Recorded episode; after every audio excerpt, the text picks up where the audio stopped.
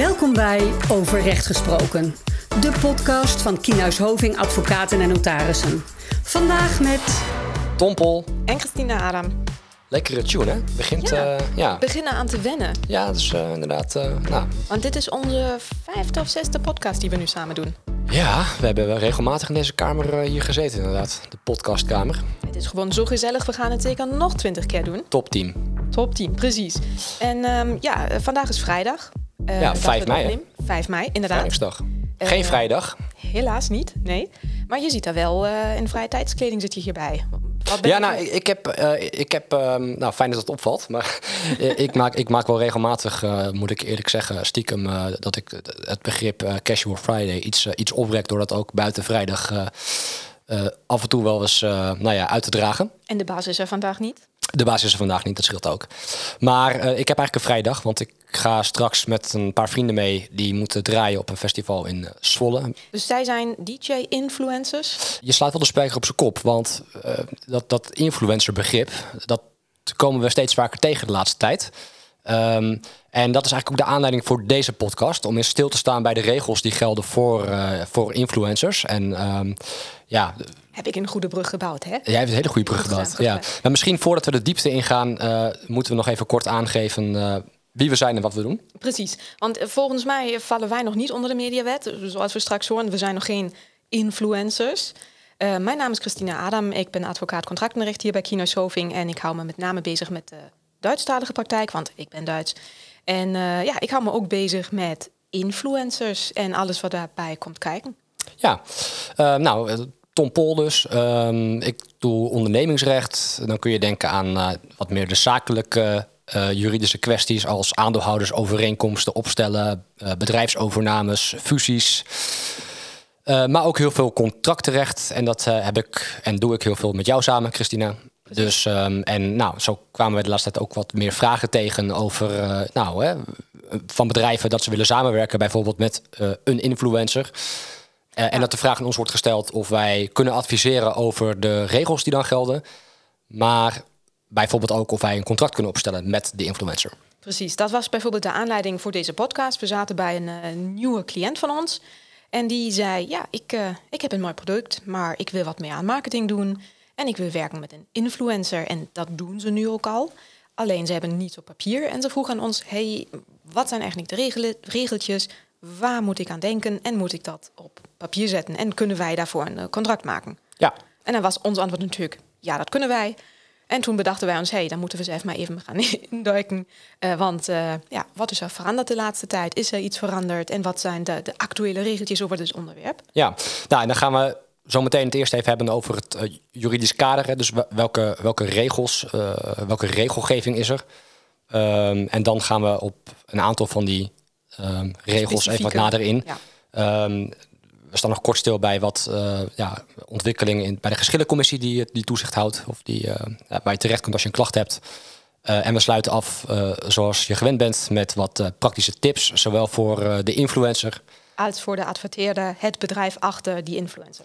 Ja, want dat is ook denk ik nog wel goed om even te benadrukken. Het gaat dus niet zozeer alleen om de influencer, maar het gaat ja, ook met name juist om die eh, de adverteerder die graag wil samenwerken met een influencer. En Precies. wat voor afspraken die moet maken. Precies. Dat is eigenlijk net zo belangrijk als de regeltjes die voor- de influencer gelden.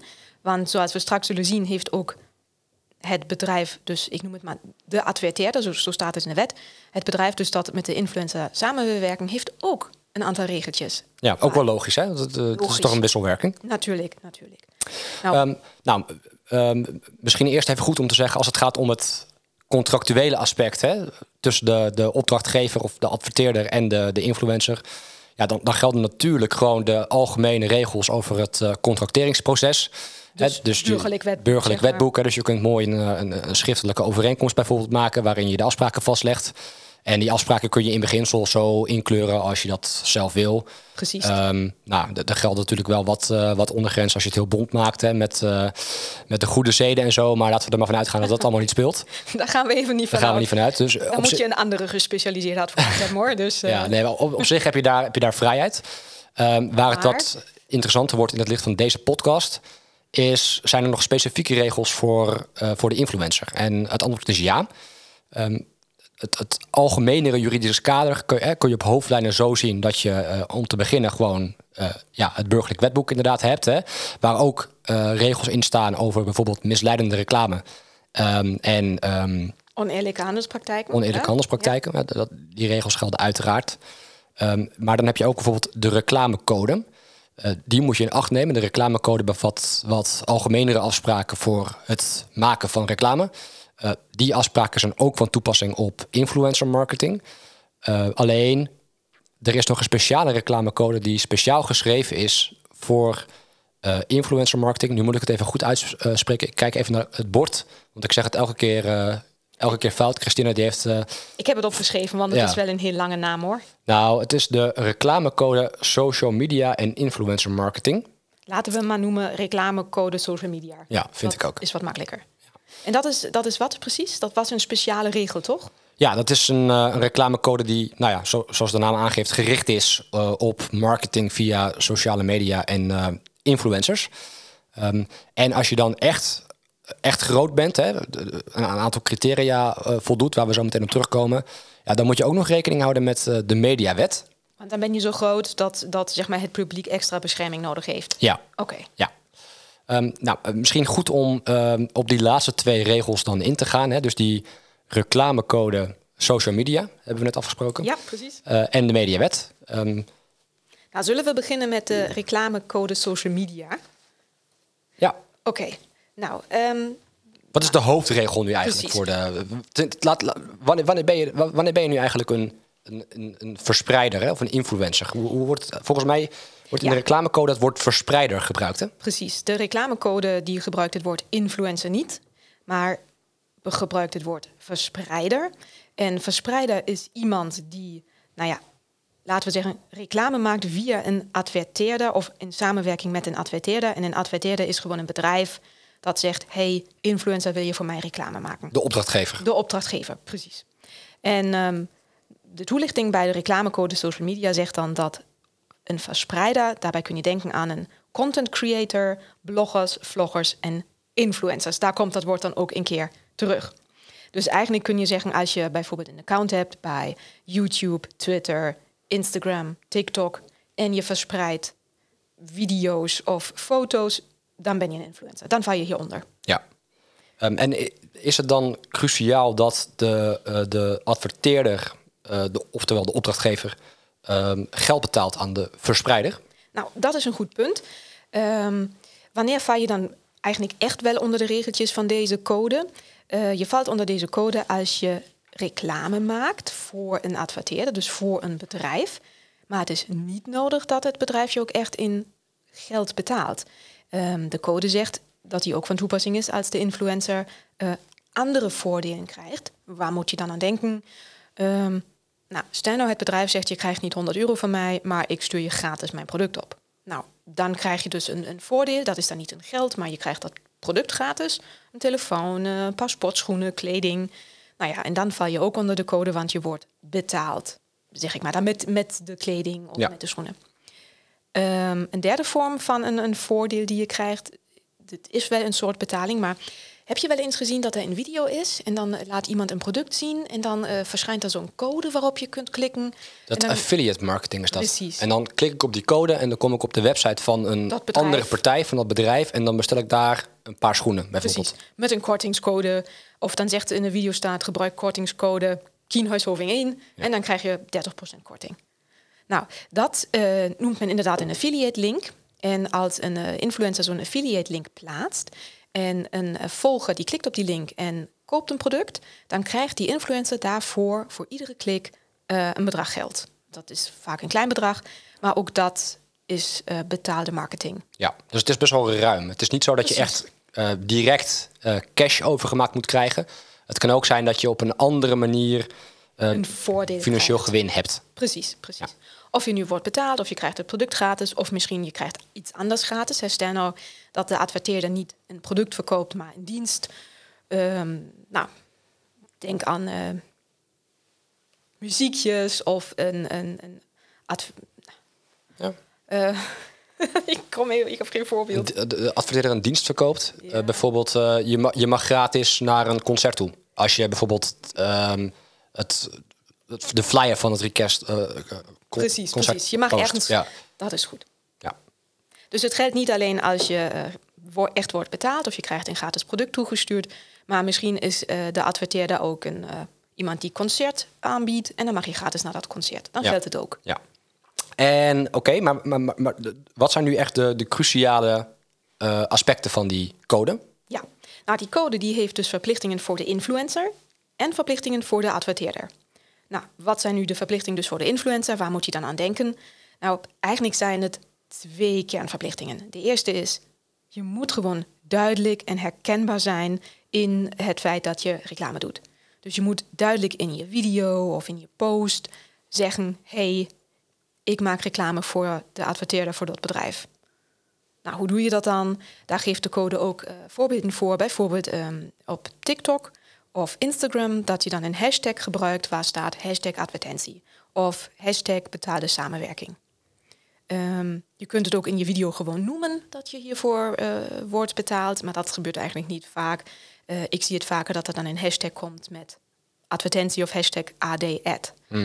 Ehm, nou, dat mag je dus, dat moet je dus heel duidelijk doen. Dus je mag het niet ergens verstoppen. En soms zie je video's of posts waar, eh, weet ik niet, eh 50 hashtags zijn. En dan mag je het niet ergens verstoppen, maar dan moet je het aan het begin doen. Dat is misleiden eigenlijk als je Dat dat doet. is het misleiden. Ja. En dan zijn we direct bij de tweede kernverplichting, namelijk dat alles wat je post niet misleidend mag zijn. Ja. Dus je moet duidelijk communiceren. Precies, precies. En onder dat misleidend valt dan ook nog dat ehm, wat je dus zegt, mag dus niet fout zijn. Nee. Laten we het maar even simpel zeggen. Natuurlijk, iedere reclame heeft een, nou ja, is misschien een beetje overdreven in wat je vertelt over een product. Hé, hey, dat product is super gaaf. Maar je mag gewoon niet dingen zeggen die onjuist zijn. Niet van ga naar Frankrijk op vakantie, want daar is het altijd mooi weer. Precies, Bijvoorbeeld. bijvoorbeeld. Of ehm, als je deze sportschoenen draagt, dan eh, ben Win je elke wedstrijd. ja, precies, precies, precies. Ja. En eh, wat je bijvoorbeeld ook niet mag doen, ehm, dat is dan misschien ook al meteen een verplichting van het bedrijf daarachter, maar met name ook van de influencer. Ehm, je mag geen fake accounts aanmaken. Eh, dus bijvoorbeeld eh, als je dan het bedrijf bent en je zegt, hey influencer, eh, je kunt per dag nog maar zo'n zoveel video's posten. Maak toch een aantal fake accounts aan, ehm, want dan kun je wat meer verspreiden. Nou ja, dat mag niet. Dat, Nee, dat is ook wel logisch. Ja. op zich is het logisch, maar ehm, het is gebeurd en vandaar dat, dat het nu in de wet staat dat Ja. het niet mag. En, en dan zei je al, hè, er zijn ook regels voor de, voor de opdrachtgevers, hè, voor de adverteerders. Precies. Eh, nou, even, even daar heel kort bij stilstaan, want dat vond ik wel opvallend in die, in die code, wordt dat ook uitgewerkt. Hè, dat de adverteerder eigenlijk verplicht is ehm, om de verspreider bekend te maken met de inhoud van de code. Hè, dus je moet, Ja. je moet zorgen dat de eh, influencer waarmee jij een contract sluit, dat die op de hoogte is van de eh, code social media. Precies. Ehm, de adverteerder die heeft ook, nou ja, laten we zeggen, twee of drie eh, hoofdverplichtingen. En de eerste is dus inderdaad dat hij eh, aan de influencer moet duidelijk maken dat deze code bestaat. Ehm, in de toelichting staat er verder niets over, maar ik denk dus dat heel veel influencers zich gewoon niet bewust zijn van wat ze aan het doen zijn. Ja. Je bent misschien een keer klein begonnen met een aantal video's, je groeit, je wordt influencer. Maar dat er echt deze code bestaat en dat er regeltjes zijn waar je je aan moet houden, dat weten dan de meesten misschien niet. Nee, dus het is een stukje bewustwording. En Precies. er is gedacht van nou, die, die verplichting moeten we niet alleen bij de influencer laten liggen. Maar ook of juist bij de adverteerder. Ja, dus dat is een heel belangrijk aspect ook voor in het contract. Wat de adverteerder aangaat met de influencers. Zorg ervoor dat duidelijk wordt verwezen ook naar die, naar die code. En dat, eh, eh, dat is het tweede puntje. Dat er ook duidelijk in staat dat de influencer verplicht is om zich daaraan te houden. Precies, dus dat is inderdaad het- de tweede hoofdverplichting van de adverteerder. Ehm, dat hij niet alleen maar zegt, hey, deze code bestaat, maar hey influencer, je moet je ook aan de code houden. Ehm, want als de influencer dat niet doet, is natuurlijk met name eerst de influencer daarvoor verantwoordelijk, maar ook het bedrijf daarachter. Ja. Maar dan, als de adverteerder heeft eh, duidelijk gemaakt, hey, die code bestaat en influencer, je moet je aan de code houden, dan is het eigenlijk bijna klaar voor de adverteerder. Ja, dat vond ik dus wel opvallend. Want er staat ook eh, in. ehm, hè, nou ja, goed, de, de adverteerder moet zich hè, nog actief inspannen. ehm, om de verspreider dan te houden aan die verplichtingen die we net genoemd hebben. Hij moet dan bijvoorbeeld eh, de, de videopostings eh, controleren regelmatig. Dat er geen gekke dingen gebeuren. Ja, en, hè, en als, het, als de, de influencer gebruik maakt van derden, dan moet je er ook op toezien dat, eh, of in ieder geval op wijzen dat die verplichtingen ook door die derde worden nage, eh, nageleefd. Wat op zich ook logisch is, hè? Dat, ja, dat Want is anders logisch. maakt zo'n influencer een video met iemand anders en die zou dan opeens niet aan de code Nee. zijn gebonden. Dus Maar ja, dat kun je allemaal contractueel eh, oplossen. ja. Maar wa- wat ik dan dus wel opvallend vond, is dat in die code ook staat dat als de adverteerder heeft voldaan aan die verplichtingen, eh, de adverteerder wordt geacht de maximale inspanning te hebben verricht die redelijkerwijs van hem verwacht mag worden om ervoor te zorgen dat de verspreiders, of terwijl de influencers, de regels naleven. precies. Hè, dus de, het zijn, dit zijn echt wel cruciale ehm, aspecten om in gedachten te houden als je een opdrachtgever bent. Ehm, en ook heel duidelijk dat vast te leggen. Nou, dat is eigenlijk ook al de tips die we straks aan het einde nog even noemen. Maar je kunt in beginsel zeggen, dus als de adverteerder deze twee of drie verplichtingen heeft, als hij daaraan heeft voldaan, dan is die van het haakje. Ja. ja. Ehm, nou, Maar dan, ja, je bent inmiddels heel groot, je hebt heel veel volgers. Dan hebben we net gehoord, dan geldt ook nog de, de mediawet. ja nou, wanneer is dat zo? Eh, je, je moet 500.000 volgers hebben of meer. Ehm, en er gelden nog wat andere eh, criteria bij. Hè? Dus de- je moet regelmatig video, eh, video's plaatsen. Ik geloof dat het criterium in eh 12 maanden minstens 24 video's eh, is. Nou, ik denk als je zo'n eh, heel grote influencer bent, dan heb je misschien 24 per dag. Ja, dat, dat, dat denk ik ook wel. Anders dan bereik je dat waarschijnlijk niet. Je, je- moet verdienen aan de video's. Hè, en je bent ingeschreven bij, bij, bij de Kamer van Koophandel. Dat, dat is natuurlijk al redelijk snel verplicht als je zakelijk handelt.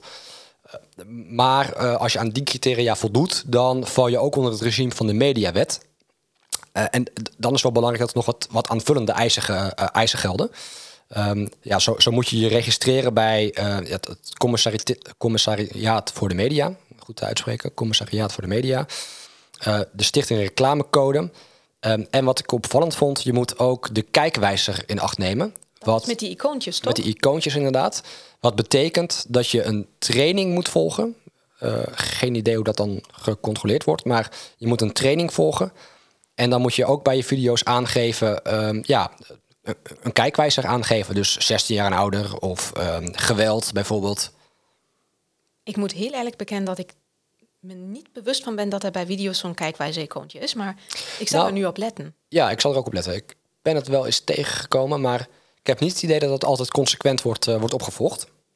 Nou, verder gelden er nog wat formele, formele dingetjes. Hè. Eh, zo moet je de naam van je onderneming eh, eh, of, of eh, je accountnaam duidelijk kenbaar maken. Je contactgegevens moeten helder zijn.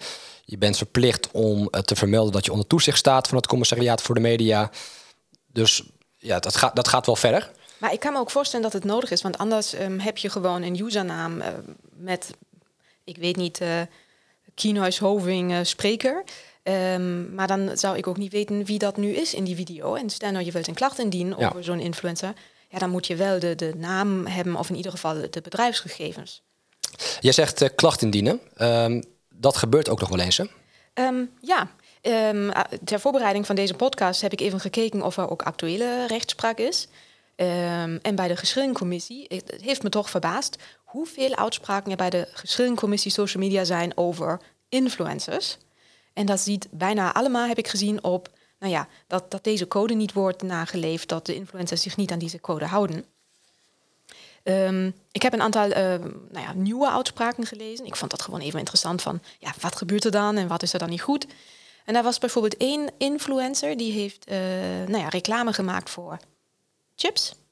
En die heeft in zijn video met eh, nou ja, heel veel chips gegeten, dat was punt één. En hij heeft daarmee eh, gegooid. Gewoon naar iemand anders die ook in de video te zien was. En daar werd een klacht ingediend, eh, omdat dit in strijd was met de bescherming van kinderen. Ja. Want hij had niet duidelijk genoeg gemaakt dat eh, A, dat het reclame was. En B, ehm, je moet dan op grond van die strengere regeltjes ook eh, duidelijk maken aan kinderen van hé, hey, let op, dit is ongezond eten. Ja. Nou, en de geschillencommissie zei dan, ja, inderdaad, dat is niet goed gegaan. En ze moesten de video dan aanpassen. Ja, ja want de, ze kunnen een aanbeveling geven, geloof ik. Hè? Precies. Eh, als je die gewoon opvolgt, dan gaat dat meestal wel goed. Ja, ehm, op de website van de geschillencommissie staat ook dat eh, nou ja, 96% van alle influencers en bedrijven die volgen de aanbeveling op. En dat kan bijvoorbeeld zijn dat ehm, de hashtags onder zo'n video worden aangepast, dat daar alsnog wordt eh, geplaatst hashtag advertentie. Of dat bijvoorbeeld ook de video wordt verwijderd. Dat is ook een keuze. En als je echt hardleers bent, dan kan er een klacht worden doorgezet naar de ACM. Dan kom je op een uh, zwarte lijst te staan. Op een non-compliance lijst wordt dat genoemd. Maar dat zijn uh, 3 tot 4 procent van, um, van influencers en adverteerders die op die lijst dan komen te staan. En dan gaat de ACM, dus de autoriteit consument en markt, er nog een keer naar kijken.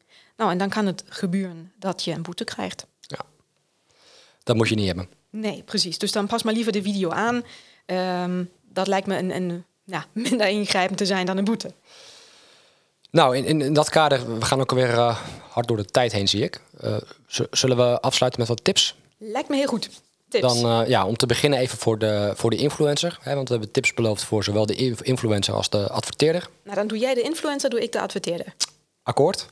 Nou, in, in de eerste plaats, wees je ervan bewust welke regels voor jou gelden. Hè? Want we hebben net gezien, we hebben enerzijds de reclamecodes, de algemenere reclamecode, die trouwens ook al wat specifiekere afspraken uh, bevat. Bijvoorbeeld als je reclame maakt over alcohol of over tabak of over kinderen. Um, en de reclamecode social media en influence marketing, die moet je dan ook in acht nemen. Maar hè, als, je, als je groot bent, hè, dus die 500.000 volgers uh, aantikt, bijvoorbeeld, dan zul je ook de mediawet in acht moeten nemen. Dus het is heel belangrijk om voor jezelf te weten onder welk regime val ik. Daarnaast, uh, hou die reclamecode goed in de gaten. Want uh, met name bij de reclamecode social media, er was een behoorlijk uh, heldere toelichting. Waarin ook praktijkvoorbeelden zijn opgenomen.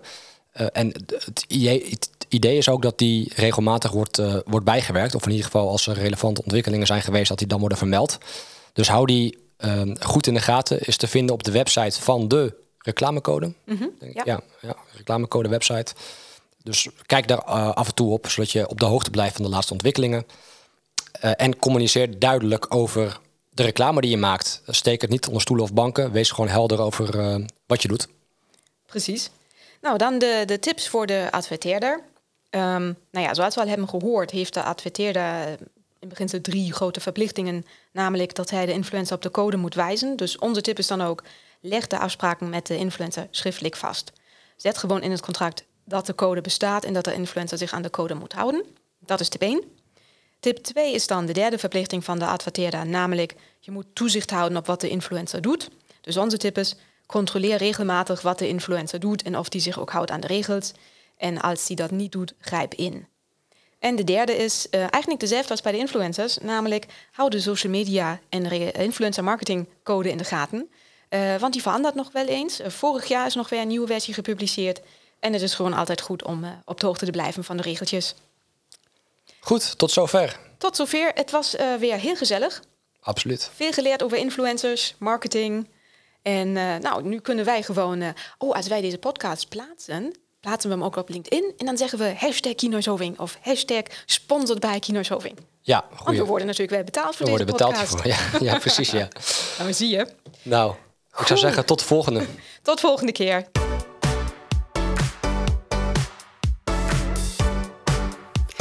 Dit was Overrecht Gesproken, de podcast van Hoving. Heb je vragen of wil je meer informatie? Stuur dan een e-mail naar podcast.kienhuishoving.nl Wil je niets missen? Abonneer je dan op onze podcast via jouw favoriete podcast-app.